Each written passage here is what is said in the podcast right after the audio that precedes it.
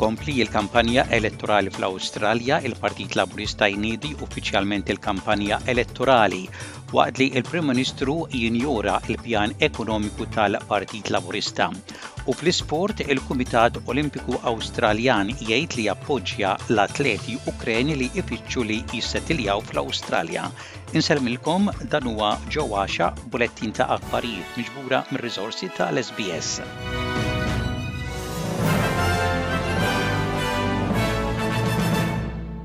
Il-Partit Laburista Awstraljan nieda uffiċjalment il-kampanja elettorali tiegħu f'Western Australia bil-Mexxej ta' l-Oppożizzjoni Anthony Albanese jagħmel diversi wegħdiet jekk jitilgħu fil-Gvern.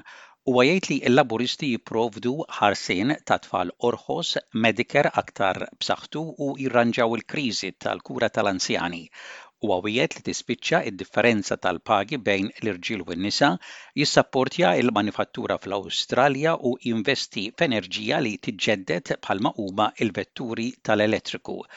Albanese jgħid li vot għal Gvern Laburista huwa vot għal futur aħjar. We are a team with the experience, the intellect, the compassion, but most importantly, the ambition to shape Australia's future because at the heart of it, that's what this election is all about a better future for Australia. Intant, il-Prim Ministru Scott Morrison injora l-pjan ekonomiku tal-Laburisti bħala duħħan waqt li ż-żewġ partiti qegħdin ikunu taħt pressjoni fil-kampanja elettorali minħabba l-pressjonijiet ta' l-għoli tal-ħajja u biex jispjegaw kif ser itaffu l-għoli tal-ħajja. Il-Prim Ministru jgħid li l-inflazzjoni b'żieda ta' aktar minn 5 fil-mija mhix taħt il-kontroll tal-Gvern. I, do understand that Australians are facing cost of living pressures. I do understand that there is rising pressure uh, on interest rates. We do know that the impacts on inflation are coming from well beyond Australia's shores. And some factors, particularly more recently, when it impacts on fruit and vegetable prices when it comes to the recent floods. Il-Prim Ministru Scott Morrison u l-Kap ta' l-Oppożizzjoni Anthony Albanese ser jieħdu sehem f'dibattitu politiku ieħor nhar il-Ħadd li ġej fuq in-Nine Network. It-tnejn li huma ħadu sehem f'dibattitu fuq Sky News fejn tkellmu dwar kwistjonijiet bħar-relazzjonijiet maċ-Ċina, l-iskema ta' l-insurance ta' diżabilità nazzjonali, il-kura ta' l-anzjani u l-qasam tad-djar. Anthony Albanese kien iddikjarat ir-rebbieħ f'dan id-dibattitu b'erbgħin fil-mija tal-votanti jappoġġjawh imma Morrison jgħid li l-vot importanti huwa ta' nhar l-elezzjoni. This election is a choice. It's a choice between a government that you know, a government that has taken action to get Australia through one of the most difficult times this country has seen in generations. Il-Ministru Laburista Bill Shorten jgħid li tkellem ma' familji li kienu affettwati mill-iskema magħrufa bħala Robo Debt li jgħid li jemmnu li l-pressjoni tad-dejn ikkontribwiet għal xi wħud mill-membri tal-familji li jikkommettu suwiċidju. Shorten wiegħed li jkun hemm kummissjoni irjali dwar l-iskema jekk il-Partit jirbaħ il-Gvern. RoboDet kienet skema awtomatika li tqabbel informazzjoni mid-Dipartiment tat-Taxxa u Centrelink biex tistabbilixxi djun kontra dawk li jirċievu ħlasijiet tal-welfare li l-Gvern tal-koalizzjoni kklemja li kienu tħallsu żejjed. Is-sistema kienet iddikjarata kontra l-liġi fis-sena 2019 b'1.2 biljun dollaru issettiljat bejn il-vittmi ta' l-iskema u l-Gvern Federali, Shorten jgħid li dawk affettwati diġà kienu vulnerabbli.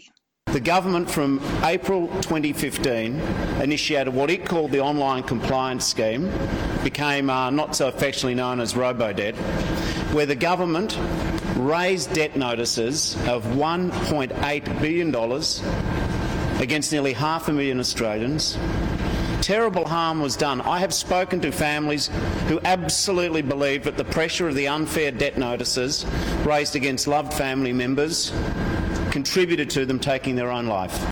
Il-Ħodor Awstraljani laqgħu din il-wegħda tal-Laburisti għall-Kummissjoni Irjali, il-Mexxej tal-Ħodor Adam Bent jgħid li l-Partit tiegħu mexxa t-talba għall-Kummissjoni Irjali u li dan il-programm qatt ma messu twaqqaf. This terrible uh, and unlawful program should never have happened in the first place, and we need to be sure it doesn't happen again. We need to learn the lessons uh, and make sure that the government puts people first when it comes to income support.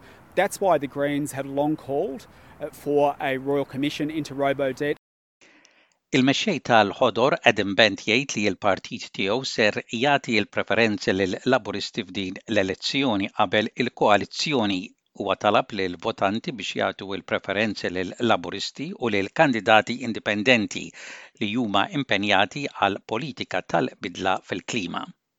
This election, the Greens will be preferencing Labor above the coalition because we need to kick the Liberals out. People can safely vote for the Greens knowing that they'll be helping to change the government.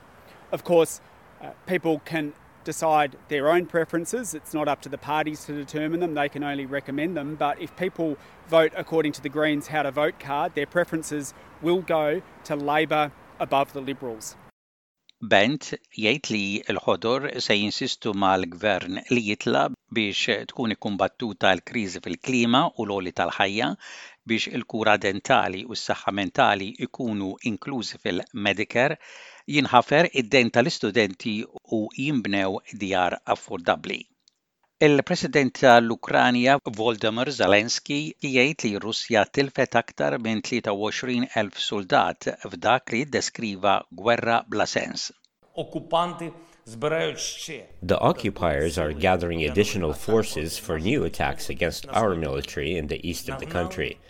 They brought reinforcements to the Kharkiv region trying to increase pressure in the Donbas. They have lost more than 23,000 soldiers in the battles of this senseless war for Russia. But they do not stop.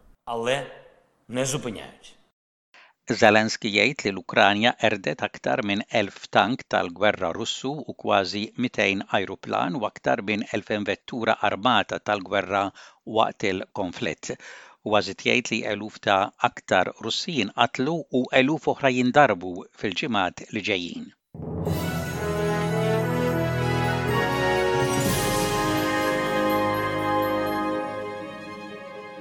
Fl-isport, il-Kumitat Olimpiku Awstraljan jgħid li jappoġġja atleti Ukreni li jfittxu li jissetiljaw fl-Awstralja skont ċirkustanzi umanitarji.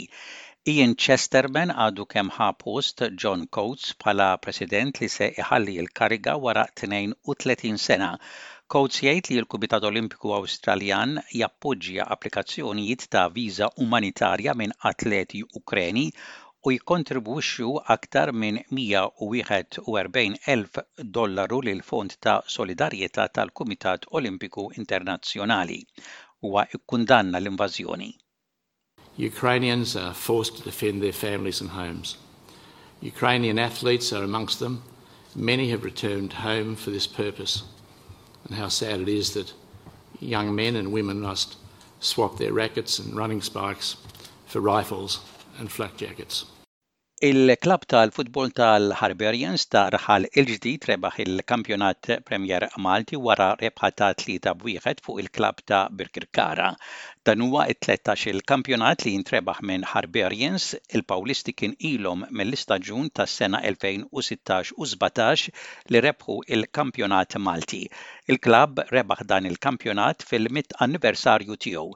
It-tim tal-Hibernians kellu numru ta' plejers li jilagħbu mat-tim nazzjonali fosthom id-difensuri Fernando Apap u Andre Agius u l-attakkant Jurgen De Gabriele li skorja erbatax il-gowl f'25 partita.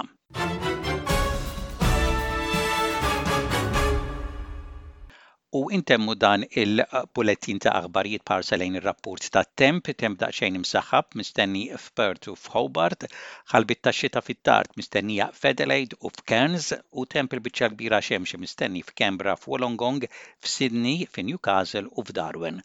Dak kien bulettin ta' aħbarijiet mir-radju ta' l-SBS għal lum it-Tlieta, it-tielet jum tax-xahar ta' Mejju tas-sena 2022.